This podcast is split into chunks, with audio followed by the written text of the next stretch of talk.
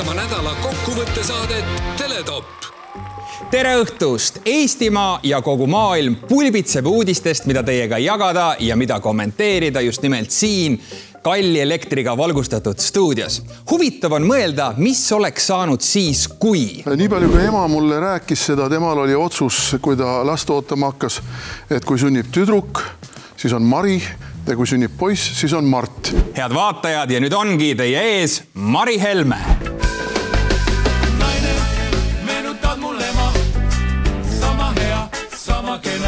Täitsa kena müüjatüdruk, pole midagi öelda. aga Peipsi ääres Nina külas oli sel nädalal pidu, sest ilmus ju APA uus plaat ja kõik Nina küla elanikud tantsisid nii, kuis jaksasid.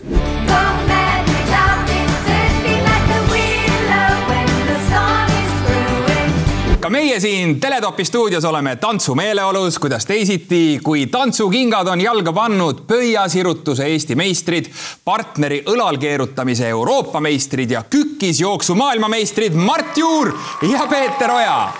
ja et oleks, kellega tantsida, on meiega täna näitleja Liisa Pulk ja näitleja Kait Kall.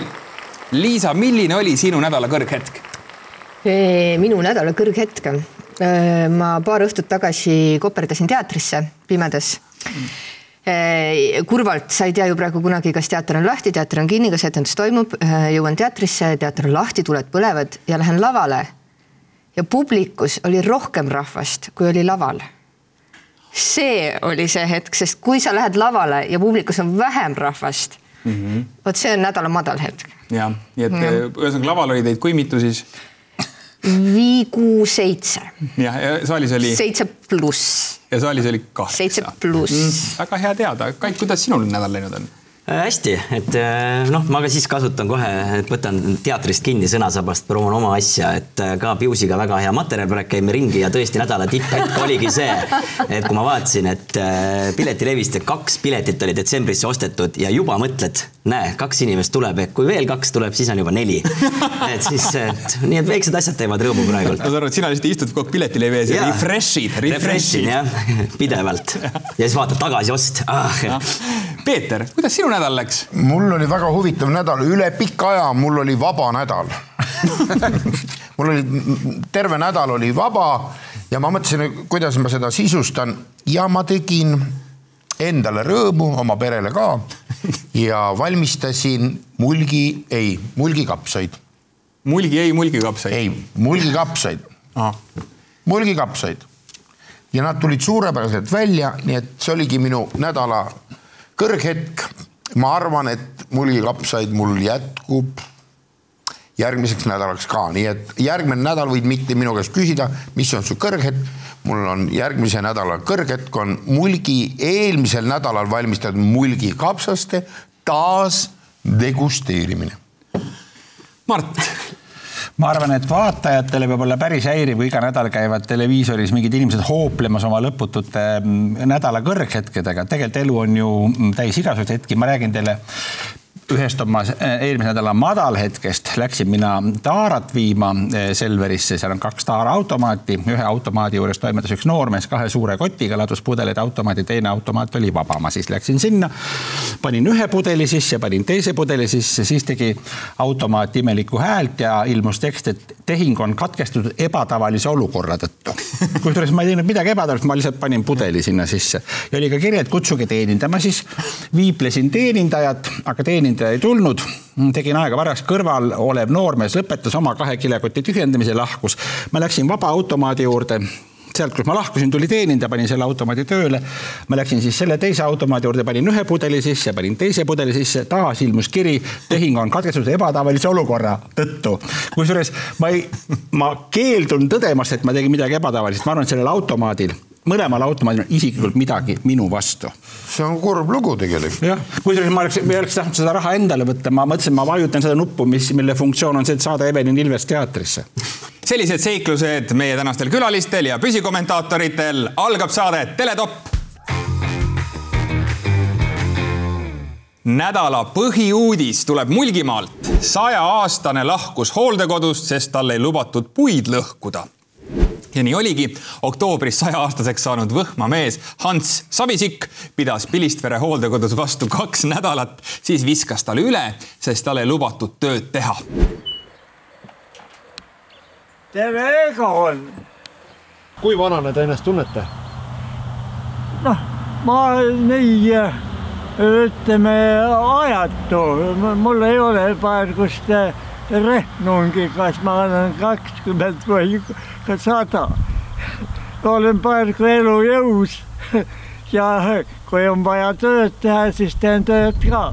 aga kui ei ole vaja tööd teha, siis kuum.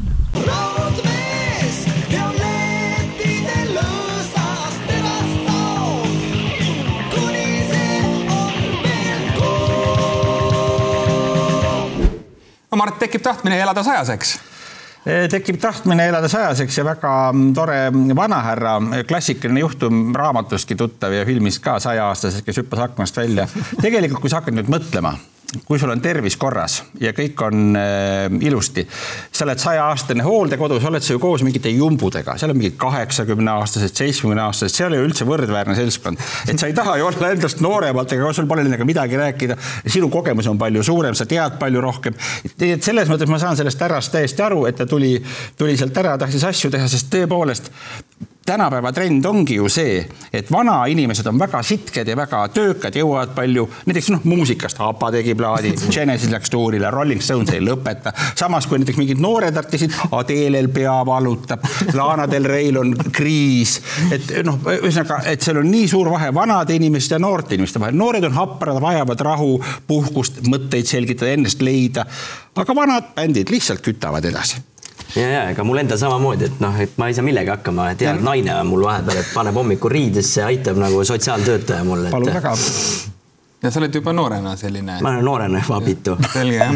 Eh, Liisa, siin käib kriitika nüüd noorte pihta. Eh, kas sa kirjutad sellele alla, et noored on abitud või, või kuidas sa vaatad selle peale? ära kirjuta kuhugi alla.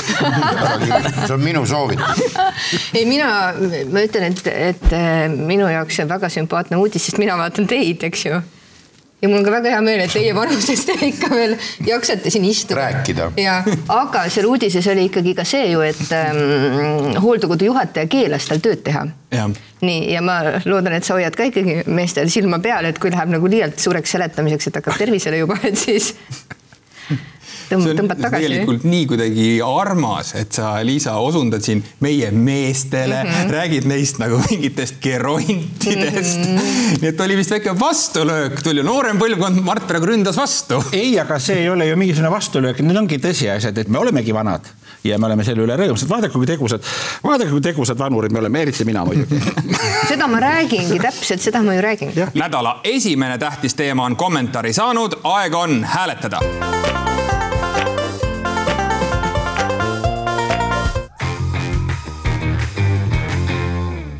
mis te arvate, kas vaktsineerimata külalisi on viisakas jõululaupäeval ukse taha jätta või mitte? etiketiekspert äh, Diane Kotsman kinnitab, et külalistelt vaktsineerimistõendi küsimine pole kuidagi solvav või ebaviisakas. anna külalistele juba varakult teada, et praeguse viiruse leviku tõttu ootad külla ainult vaktsineeritud inimesi, siis ei teki olukorda, kus keegi avastab viimasel hetkel, et tema külla ei pääse Kotsman lisab, et oma seisukoha selgelt väljendamine võib tekitada konflikti, kuid õnneks parandab aeg kõik haavad ja inimestele võrdlemisi lühike mälu Mart, kas sul on juba see skänner olemas, millega sa kavatsed lugeda sõprade seda koodi? jah, et see on tegelikult tõesti terane ja väga ühiskonda polariseeriv teema tänapäeval ja et ma leian, et ajal, kus jõulud on tulemas ja perekondlikud tähtpäevad tahavad tähistamist, tegelikult tuleb küll küsida ukse peal eh, vaktsineerimiskoodi ja kellel ikkagi kood näitab, et on vaktsineeritud, siis teda tuppa lasta ei ole mõtet. selles mõttes tõsi on see, et vaktsineeritud inimesed noh, nad kannavad eh, vaktsiini eneses, aga nad ju ei piirdu sellega, nendel kaasneb sellega aktiivne propaganda ja ajupestud inimese jutt, et me ju teame seda, et puhkavad lõputud vaidlused. vaktsineeritu ei oska tunda rõõmu koos olemisest, näiteks just hiljuti oli tore pidu, sõpradega olime koos, olime väga lähestikku, kallistasime, suudlesime, eh, higistasime koos, käisime saunas, mürasime ja siis oli üks Sõpradega. ja ju sõpradega ja siis oli üks vaktsineeritu, kes hakkas seletama, et tuleb hoida, kuidasmoodi tuleb hoida distantsi, kanda maski, et see on väsitav, tülgastav, sellega ei ole ka ju mõtet vaielda. aga kas jõuluvana tuleb vaktsineerimata inimestele? Mm, vaktsineerimata jõuluvana tuleb, kes on terve jõuluvana, sest et see on omaette teema, et vaktsiin, noh, vaktsineeritud inimestel küsitakse, kuhu on kadunud autotööstusest kiibid, see on ju teada ammu, et need kiibid ju lähevad Inimeste vaktsiiniga inimestele sisse. Ja vaktsineeritud inimesel pole ka mõtet ju vaielda, sest vaktsiini mõju õnneks ei kesta kaua et see ebanormaalne olukord lõpeb mõne kuu pärast ja kui inimene uut vaktsiini peale ei tee, ta võib liituda meiega mm.. aga muidugi hea on nüüd see, et inimesed on nagu tänu koroonale nagu harinud ennast hästi kiiresti, mõni raiskab aega, õpib seitse aastat arstiks, mõni käib kahe nädalaga Google'is, on palju targem, nii et, et see on inimesi sundinud, motiveerinud eh, saama teadlasteks, et ja see on, mida ma tahangi toonitada, et praegu me oleme väga teaduspõhised, väga teaduspõhiste andmetega alati opereerime, on ju. kas sa, kas sa seda muide tead, kui jõulutoite pakutakse, et kui näiteks lauale jõuab verivorst, ära verivorsti igaks juhuks söö, sest verivorsti kaudu võib levida AIDS.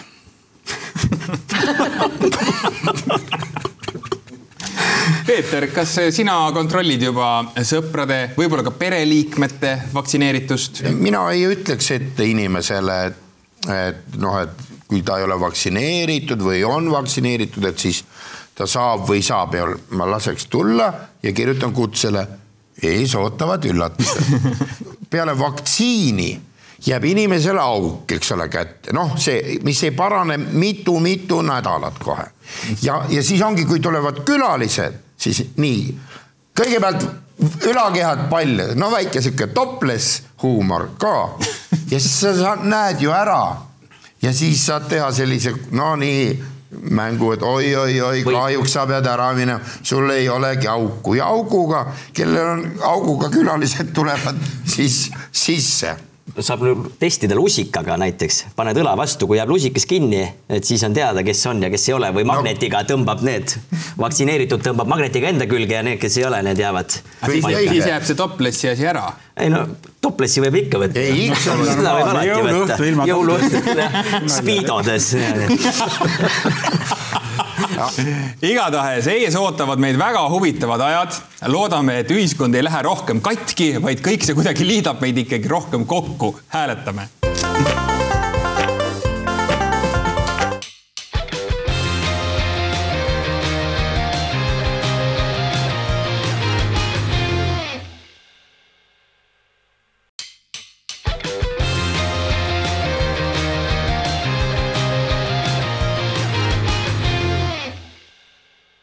Lõppeva nädala tipphetk oli muidugi mardipäev. on ju, Mart? Jaa. ja, aga kuidas joosta koroona ajal kontaktivabalt Marti, olete te selle peale mõelnud? siin tuleb appi folkloorinõukogu loodud koduleht hakkamesantima.ee ja folkloristid soovitavad meil kolida sandiperega veebi. kuidas see käib? Üllata sõpru ja sugulasi suhtluskanalites kõnedega, las nad olla jahmunud, kui teiselt poolt ekraani vaatavad vastu maskide taha peidetud silmapaarid, kelle isikud jäävadki mõistatuseks. kui lähedased toru ei võta, helista ülemusele proovida võib huupi ka tundmatutele profiilidele ja numbritele. nii saab taaselustada mälestuse lapsepõlves tehtud tüngakõnedest. No hea plaan, Kait, kas ei ole? super, super, ega tegelikult on, ega ütleme niimoodi, minul käisid isegi kontaktis mardisandid isegi. Tõsi, jah? mitte veebi Küsis- teel küsisid vaktsineerimispassi? ei küsinud, nad olid lapsed kõik, nii et ma ei julgenud lähedale ka minna, et siin on see tütütüi õrnad ajad, et ei taha lapsi puudutada. Sülitasid praegu Mardi poole? ei, ei tahtnud nagu patsu anda või isegi kätt ei taha lapsele anda, et hoiad neist eemale niimoodi viisakalt. aga varem sa nagu panid lapsele patsu ja andsid kätte ja no varem võis jah, lastel pai teha näiteks või niimoodi, et nüüd Okei. ei julge enam, nüüd ei julge midagi teha. ajad on muutunud. muide, Kait, see, mis sa ütled, on sümptomaatiline, et nüüd, mis võib-olla ei puutu teemasse, ma mäletan, suvel sõitsin rattaga mööda ilusat külavaheteed ja nägin, taamal oli heinapall ja üks isa, ütleme, üks mees asetas ühe väikse tüdruku heinapalli peal ja pildistas teda ja ma esimese hooga mõtlesin, et see on pervert. ja alles teine mõte tuli, aga võib-olla on isa tütrega. aga see oli alles teine mõte. eks ta ole nii, aga no see jah, mardisantidega ongi kõige hullem see, et mis ilmad meil on, sel päeval oli ka päris kole ilm ja see esikuvaip, ütleme niimoodi, et, et pigem käib läbi veebi oleks mõnusam olnud, siis ei pea midagi andma ka. Nad ei saa midagi sealt kätte ju. aga see on muidugi hea tõesti, et kuidas sa saad läbi veebi anda, jah? on see üldse küsimus või? et kas ei piisa sellest like'ist tänapäeval lihtsalt või? aa, virtuaalkeskkonnas, jah? virtuaal- ja ja palju sa saad neid like'e? oh aegu, oh kombeid, hääletame. Neljapäeval avaldas Postimees artikli Tallinna trammi hange üle tuhande päeva kestnud läbikukkumiste jada. tsiteerin. näiteks esimeses hankes teatas Tallinna Linnatranspordi AS rahvusvahelistele pakkujatele tuima järjekindlusega, et ingliskeelsetele küsimustele nad ei vasta ning suhtlus toimub ainult eesti keeles. Postimees üritas korduvalt selgituste saamiseks vestelda TLT juhi Deniss Boroditšiga kommunikatsioonijuht Olga Polienko vahendas, et TLT juhtkonnal polevat midagi uut lisada. viimaks soovitati pöörduda Tallinna abilinnapea ja ettevõtte nõukogu esimehe Andrei Novikovi poole, kelle abiga õnnestus linnale kuuluvalt äriühingult kätte saada kirjalikud vastused ja mis siis selgus, et parima stsenaariumi korral võib esimene uus tramm kohale jõuda umbes kaks tuhat kakskümmend neli, see on siis äh, veel tubli peaaegu et kolm aastat, aga seegi pole veel kindel, et selline jantimine on käinud Tallinnas trammiga, Mart jah, ma kõigepealt ütlen neile inimestele, kes seal trammi peal siis trammi ootavad, et praegu võite koju minna, tramm tuleb alles kahe tuhande kahekümne neljandal aastal. aga kui me nüüd läheme selle kommunaalteema juurde, siis mina ei näe siin läbikukkumise kohta, et minu meelest see Postimehe artikkel on läbikukkumist ja ta minu meelest on hiilgav see, et eh, Boroditš, Polienko ja Novikov nõuavad ja väga resoluutselt ja printsipiaalselt nõuavad, et Hispaania, Saksa, Tšehhi ja paljude teiste riikide trammivagunite valmistajad õpiksid ära eesti keele. Ja sellepärast on see hange tõesti natuke veninud, sest see eesti keele inter, intensiivprogramm, mille alusel Hispaania, Tšehhi ja teiste riikide trammitootjad eesti keelt praegu õpivad Eesti Keele Instituudi koduleheküljel, see on natuke aeglane, see programm. nii et probleem ei ole mitte trammipargi tegevuses, vaid ütleme keeleõppe intensiivsuses. seda nõuavad siis Boroditš, Polienko ja Novikov. no aga kui me, kui me, see on ju meie eestlaste maa ja siin me räägime ja kirjutame eesti keeles õige. väga-väga-väga õige, põhimõtted peavad olema jah. aga muidugi sellest äh, nagu huvitav, et Eestis ei ole ühtegi siis inimest, kes suudaks trammi toota või? Ma isegi tean paari tuttavat, kes teeks trammi valmis, kui aja oleks ma.... seesama Hanski, kellest me algul rääkisime, ma arvan, temagi võiks ta teha. puust trammi, raiuks kirvega välja ja tunduvalt varem kui kaks tuhat kakskümmend neli saaks see tramm valmis no täpselt, et nii et minu arust pöörduge eestlaste poole, et nad räägivad ka eesti keelt, et. samas tuleb mul meelde, et juba Edgar Savisaar kunagi ütles, et, et sellise kaliibriga poliitikuid nagu Boroditš tehakse valmis üheksa kuuga ja ta ei eksinud. mis, see on avalikkusele teada fakt, eks ole, et nii on, aga mis teiste, kaua tehti Novikovi, kaua Keskerakonnas, ma saan aru, ikkagi toimub see tootmine.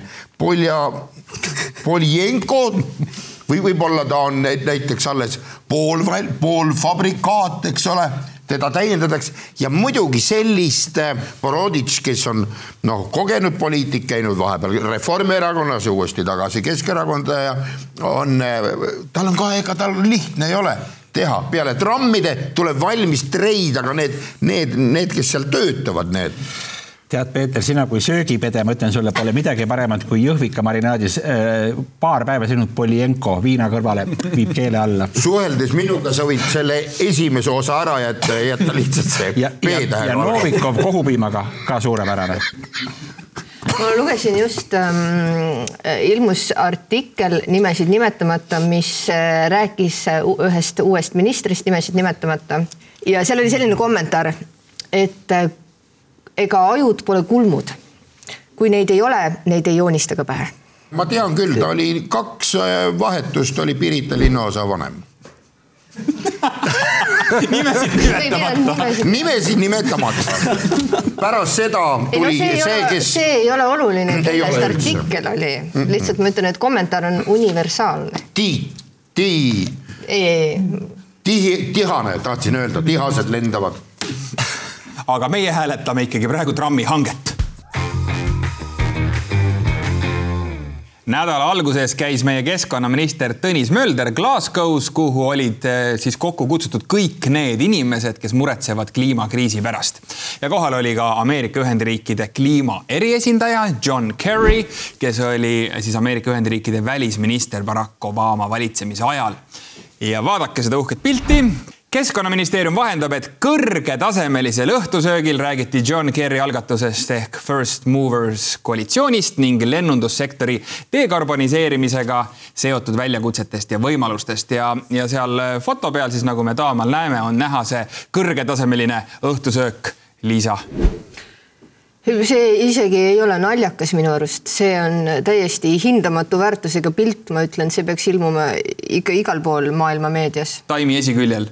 Taimi esiküljel ja ilma naljata. jah, kuidas Kait seda õhtusööki kommenteerid? kõht läks tühjaks.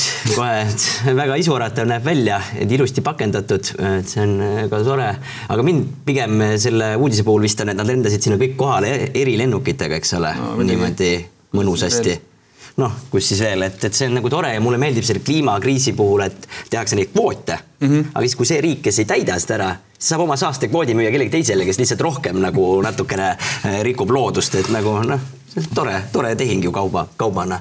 müün, müün saastekvooti sulle Mart, sa tahaksid eh, ka seal õhtusöögil olla ja? ma arvan, et see on jah, Glasgow selle kliimakonverentsi selline juba ütleme nii-öelda aftekas, et kui kuskil hommikul kella nelja-viie paiku on kellegi korterisse maandutud, toimub selline korteripidu, korterilebu.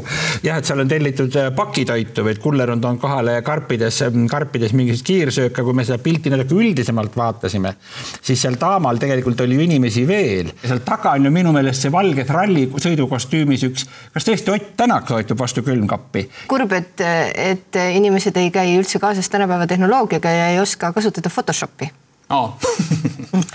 kusjuures on ilmunud üks pilt, kus Obama meeskond istub ümber laua ja nad võtavad parajasti, kuulavad uudist bin Ladeni surmast mm -hmm. ja pildi peal on meeskonnas üks naine, on Hillary Clinton siis Brooklyni juudi ortodoksne ajaleht avaldas sellesama pildi uudisega, kust Hillary Clinton näiteks oli välja Photoshop itud. ja põhjendus oli see, et naisterahva kujutamine pildil tekitab liialt seksuaalseid mõtteid Mm -hmm. et kui me juba saame Hillary välja, välja sealt äh, Photoshop ida, siis. sa tahaksid Tõnis Mölderi ka. Tõnis Mölderi sealt välja võtta. kas ma saan sinust õigesti aru, sa tahad välja shoppida Tõnis Mölderi, kuna ta tekitab seksuaalseid mõtteid? jah see on, minul on ka probleemid seal, mitte, mitte Tõnis Möldriga praegult, aga üldse nagu ka nagu, nagu naised, naised piltidel, et ma olen isegi oma kursa näiteks fotodelt olen kõik naised ära eemaldanud ja, ja isegi perekonnapiltidelt osadel mul naist ei ole enam peal ja. et su oma naine tekitab seksuaalsed mõtted sinus? päriselt või? see on imelik. vot see on imelik see on Õhtulehe uudis. see on Õhtulehe uudis jah. kui, kui juba Photoshop imiseks läks siis mina eemaldaks kõik need inimesed seal, ma tahaks näha, mis ruum see selline on. ja palju ta printsiibis noh, mahutaks üldse, aga praegult need kujud, nad varjavad. no kui jätaks kedagi, siis Tõnis Möldri. aeg on hääletada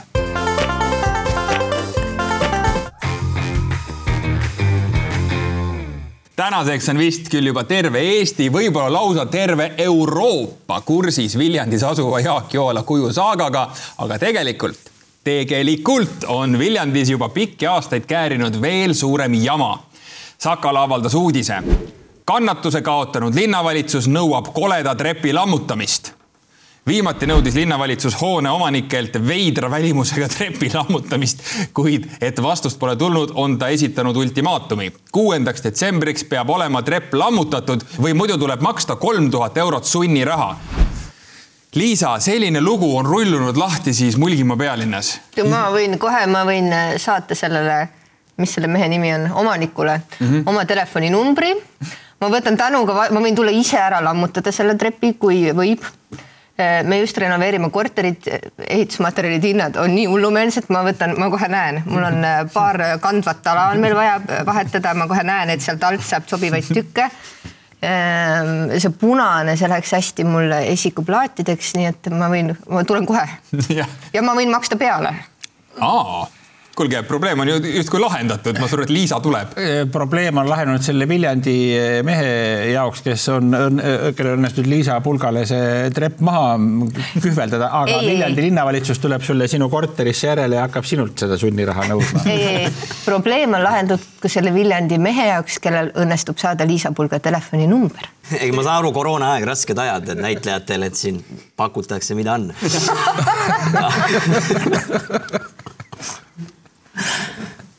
aga, aga ma arvan, et see trepp ei oleks muidu ette jäänud kui ei oleks seda Jaak Joalat ikka olnud, vaata, sul on kolleegide puhul või suhtes täpselt samamoodi, kui mingi asi hakkab häirima, no Joala kujuga oli jama, siis jääb juba kõik ette, siis jäävad ka muud asjad ette, pisikesed asjad. ja nad said nii-öelda hamba verele selle Joala monumendiga, tead, see on see noh, nagu hai reageerib selle peale, et tilk verd läheb veekogusse ja siis ta hakkab ründama, et nad Joala monumendist said need jagu, nüüd nad võtsid ette suurema juba kurjema vaenlase selle Viljandi. ja järgmine on Lossimäed, Lossimäed lähevad lammutamisele. Need on veidrad tegelikult, olgem ausad mm. -hmm. no nimelikult küll on ju Kait, sina oled ju Viljandis õppinud, siis sa oled ka muidugi suhteliselt veider aitäh. kas Kait Kall läheb nüüd lammutamisele ma... Ei, ma maksan sunniraha. Need Viljandi omad on kõik siuksed huvitavad, ma ütleks. ma kutsun Liisa Pulga ennast lammutama, et kandev tala ma saan see ära kasutada oma korteris kindlasti kuidagi. ma siin kuulan äh, teie jutuks on, jutuks on seda palju nimetada, vabandust väga. aga vaadates seda pilti, mul on väga kahju Viljandi pärast.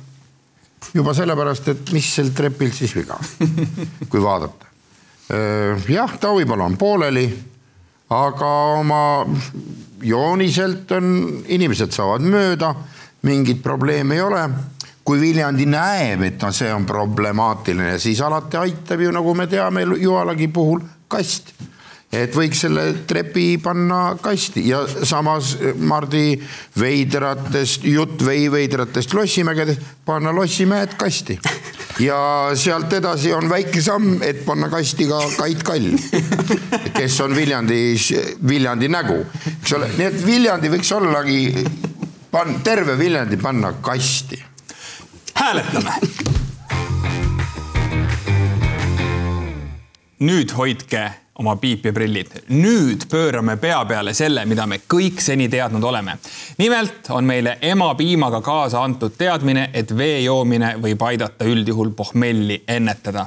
kuid kas see ikka on nii? molekulaarbioloog Patrick Schmidt väidab, et mitte nimelt avastas, et hoolimata vedelike ohtramast väljutamisest ei põhjusta alkoholi joomine dehüdratsiooni.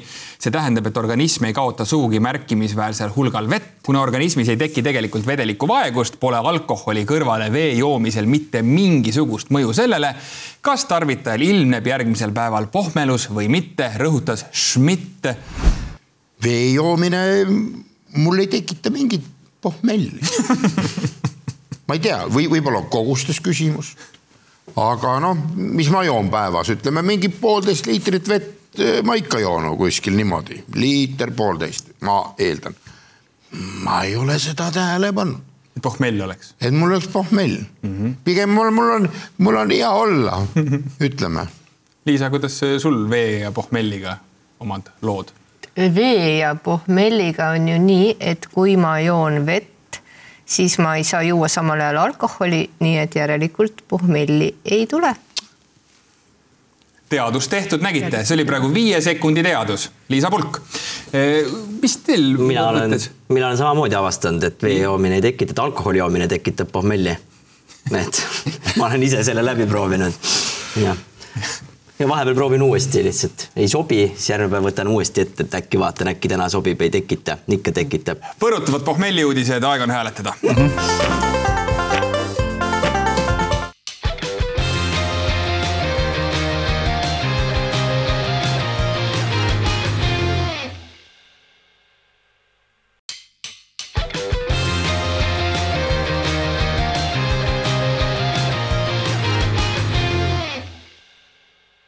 Meie, inimesed, suudame tänu teadusele lennata Kuule, Marsile, toota lihamaitselist liha, mis ei olegi liha, saata paari sekundiga fotosid Türilt Tokyosse, me suudame 3D printeriga printida maju, avada silmaga mobiiltelefoni, toota lehmapeerust kütust, mida kõike me ei suuda ikka tänu teadusele ja kõige värskem teadusuudis on nüüd teie ees.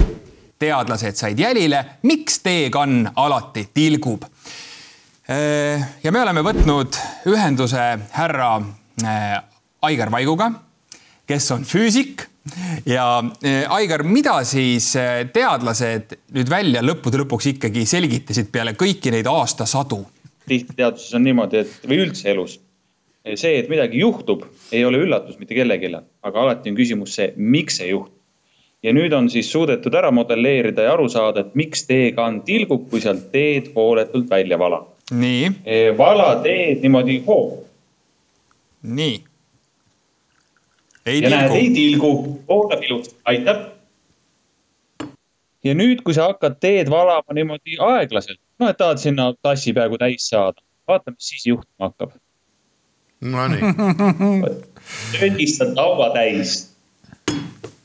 miks see nii on? see laua löödistamine ei ole mitte sellepärast, et sa oleksid ebakompetent. Või et sa oma ametiga hakkama ei saaks, vaid see on sellepärast, et füüsika teeb siin oma töö. nimelt kui sa hakkad nüüd seda teed sealt valama, siis sellel teejoal ja sellel vedelikul on inerts sees. hooga valad, lendab hooga sealt välja kaugele. aga nüüd, kui sa valad aeglaselt, siis see, see pindpinevusjõud hakkab mässima seda vedelikku selle tila külge sinna allapoole. nii et kokkuvõttes lühidalt võib öelda, et teekann ei ole mõeldud argadele. jah, sa pead teadma, mida sa teed ja sellist ja. asja tegelikult kohtab ka siis, kui on mõni teine tilaga süsteem, kus on vaja vedelikku väljutada. ehk kastekann no näiteks ka kastekann. mul on, Aigar, sulle selline küsimus, nüüd, kui sul on lahendatud müsteerium, miks teekann tilgub, millal teadlased selgitavad välja ja pakuvad ka lahendusi, mida teha olukorras, kui sa avad mahlapakki ja hakkad sealt valama klaasi, mahla. kui ta ei tilgu, siis ta pritsib. aga võib-olla sul on mure selles, et see mulksub kuidagi. vot nii ja seal on õhk tekib vahele õhk on vaja vahele lasta, nii et selleks, et mahlapakil seda mulksumist vähendada, võta laua pealt kahvel või nuga, löö mahlapaki ülemisse otsa auk sisse, selle kaudu lased sa mahlapaki õhku ja saadki ilma mulksumata mahlapakist välja valada. ahah. kui sa tahad meelde... teisi aidata, siis sa saad poest lihtsalt ise kahvliga ära teha osad pakid teistele juba ette. ja, ja siit tuleb meelde, ka õpetas, et kui hakkad mahla jooma, siis lase mahlapakk lihtsalt õhku Aigar Vaigo, suur aitäh meiega ühinemast, me oleme nüüd palju targemad selles osas, mis puudutab eh, tee valamist ja erinevaid eh, tilasid, tilade tüüpe ja me hääletame seda vägevat eh, selgitust, mille tegid siis Austria teadlased.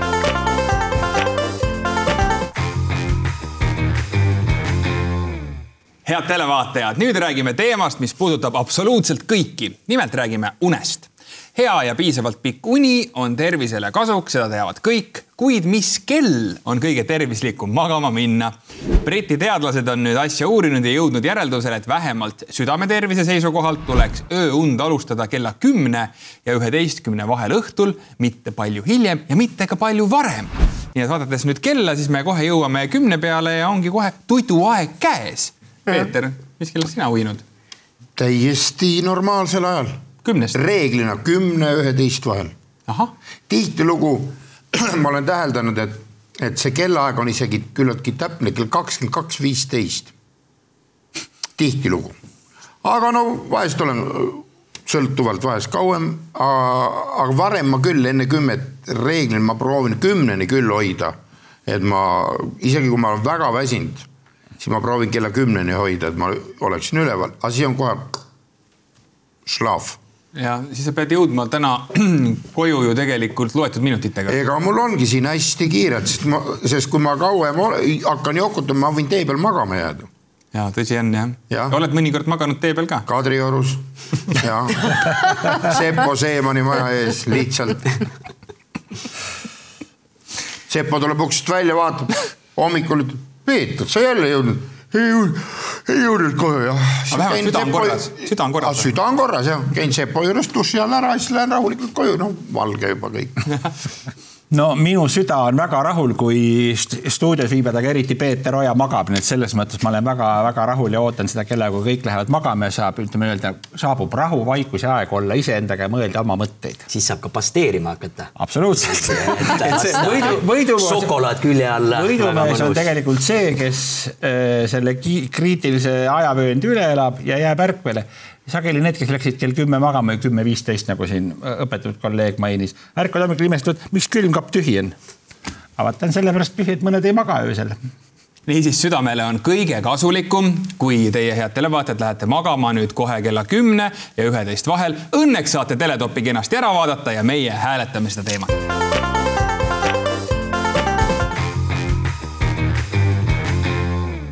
Sel nädalal said sotsid ühe suure mure kaelast ära. Tallinna võimuleping on alla kirjutatud ja linnas on ametikohad jagatud, kuid nagu kirjutab Eesti Päevaleht, sellega sotside hädad alles algavad. nüüd on neil nimelt üks suur mure, sest nad peavad leidma enda seast volikogu esimehe ja miks on see mure, te küsite toome teile nüüd näitlikult selle takistusriba silmade ette seni on volikogu esimehena räägitud kolmest sotsist Jevgeni Ossinovski, Indrek Saar või Riina Sikkut. Kõigi nende puhul on sotside üleriigilises valimisnimekirjas asendusliikmeks Monika Haukanõmm. tema on aga ülejooksik ja tänaseks keskerakondlane. kui Haukanõmm loobub, siis on järgmine Rene Tammist, kes on samuti vahepeal sotside parteist välja astunud. kui Tammist ei taha, siis on tema asendusliige Anastasia Kovalenko, kes astus ka sotside ridadest välja ja on nüüd Keskerakonnas ja lõpuks, kui Kovalenko ei taha, siis pääseks Riigikogusse tõeline sots. tema asendusliige on Toomas Jürgenstein, aga sinna, nagu te aru saate, on päris mitu astet. aga kui jätta kõik Riigikogu liikmed rahule ja tuua sots volikogu juhtima väljaspoolt, noh näiteks siis Sven Mikser, tema tuleks Europarlamendist, aga mis juhtub Europarlamendis siis, siis pääseb sinna Indrek Tarand, kes omakorda jälle ei ole sots. nii et selline absoluutne pusle kuubis on see sotside jaoks. Liisa, kuidas kommenteerid? mind huvitab, mis sotsides toimub, et kõik ära lähevad sealt sellest jah kõlas nagu, et keegi ei ole sots enam kuidagi jäi mulje. see meenutab ka tõesti mingit lauamängu, see ei ole male, pigem on see see, mida vanasti Balti jaamas mängiti, et, et arva ära, mis kaabu all, mis kaabu all on täring või midagi sellist, et ma arvan, et selle kaabu all on sots, tõstad üles, ei, tegelikult on keskerakondlane. tõesti väga huvitav, miks on siis niimoodi, et keegi ei taha sots olla? Peeter, kas sa ei tahaks sots olla vahelduseks? ma tahaks küll, aga mul ei ole aega hetkel mul on, ma olen, no vot see oli mul nüüd selline vaba nädal tõesti, aga siis ei käinud keegi pakkumas, mul ei tulnud pähe kuidagi. noh, oled üksi kodus. teed oma tule, mulgi, teed oma mulgikapsaid. teed oma mulgikapsaid, no ei tule pähe mõte, et hakkaks sotsiks. ei, gurmaaniks küll, no seda ja. ma olen nii või naa, aga aga jah, ei ole mõttes. Mart, kas kuidagi siis sots olla on häbiasi või? ei, ei ole häbiasi ja sots olla on väga hea, aga keskerakondlane olla on palju parem palju, palju parem. kuidas te siis sellest kullakesed aru ei saa, et see on see asi. kui me võtame seda budistliku traditsiooni järele, siis ütleme, olla sots on nagu algtasemel, aga olla Keskerakond keskerakondlane, sa oled Mahajana kõrgemal tasemel, sa oled sisuliselt buda põhimõtteliselt, sa mitte midagi ei tee ja kõik. aga sa ei tule ka selle peale, vaata tegelikult nagu lapsena. kelleks sa oled sots nagu amet, et sa küsid lapse käest, kelleks sa suurena saada tahad. ükski laps ei ütleks Eestis, ma tahan sotsiks saada, kui suureks kasvada. küll aga ütlevad, küll aga ütlevad, tahan saada Keskerakonna. jah, lasteaias, lasteaias juba levib trend, et väike laps ei taha saada kosmonaudiks või ärimeheks, tahan saada Keskerakonna, sest see kätkeb ennast kõike, nii ärimeest, kosmonauti, see on ulme. pluss veel buda, jah. saad rattaga ka sõita. lastele meeldib rattaga sõita nii et Liisa, võib-olla sotsiks? võib-olla sotsiks ja nad otsivad uut juhti ju. Oo mm, -hmm. no, no. oo, oo, no. Liisa. ma saadan oma numbri sellele Viljandi trepiehitajale ja Indrek Saarele. Liisa, mul tuli ettepanek, tähendab hea, väga hea mõte. Nad otsivad uut juhti mm, -hmm. kandideeri see oli, Saa... see oli minu mõte. ei, ja, ja kandideeri, aga nüüd tuleb minu mõte lisaks. sa kandideeri, sa võida see koht. ja viid kõik sotsid Keskerakonda. niisiis, poliitmaastikul toimub nii mõndagi. Liisa Pulk võtab üle päris mitu erakonda ja seda trilli ja tralli me nüüd siin hääletamegi käes on tõehetk, nädala sündmuste edetabel ongi meie kõikide ees. ja see, et sotsid sattusid suurde segadusse, nagu me näeme, suure häda sisse lausa, kogub seal all nüüd punkte ja ossam Mait, kus see nüüd hüppab eh, tabeli peaaegu tippu, aga esimeselt kohalt me loomulikult leiame absoluutse teadusuudise tipu või Austria teadlased siis eh, mõtlesid selle lõpuks välja, miks teekand tilgub ja tubli on. ja nüüd on küsimus, kellele saata selle nädala auhind? veel ei tea, mis siin sees küll on, aga ikkagi. et kas see läheb Austriasse? Läheb see, mina saadaks sotsidele lohutuseks. ma võin kohe ise kaasa võtta selle. ah, kui sa lähed seda parteid ma lähen juhtima sinna. ja see on siis öö, kullast siga see Liisa ettepanek, et ta võtab selle sea kaasa, läheb, võtab sotsid üle, näitab sotsidele kullast siga. mitte ükski normaalne inimene ei suuda sellele kiusatusele vastu panna. Liisa ütleb, mul on kullast siga, järgnege mulle ja lähete tipa-tappa, tipa-tappa Narva maanteele, kus on Keskerakonna büroo. seal seal võtab teid vastu poodi. käigus rong, käigus. minge sisse, minge sisse, kõik lähevad sisse, kullasiga tuleb kohale. see on geniaalne idee. Liisa, palun. aitäh. see on siis nüüd kullast siga, millega sa saad peibutada sotse enda järel kõndima ja minema kuhu iganes sa neid kutsud, sest see on ju kullast siga. issand, kui tore. tasus tulla, Liisa.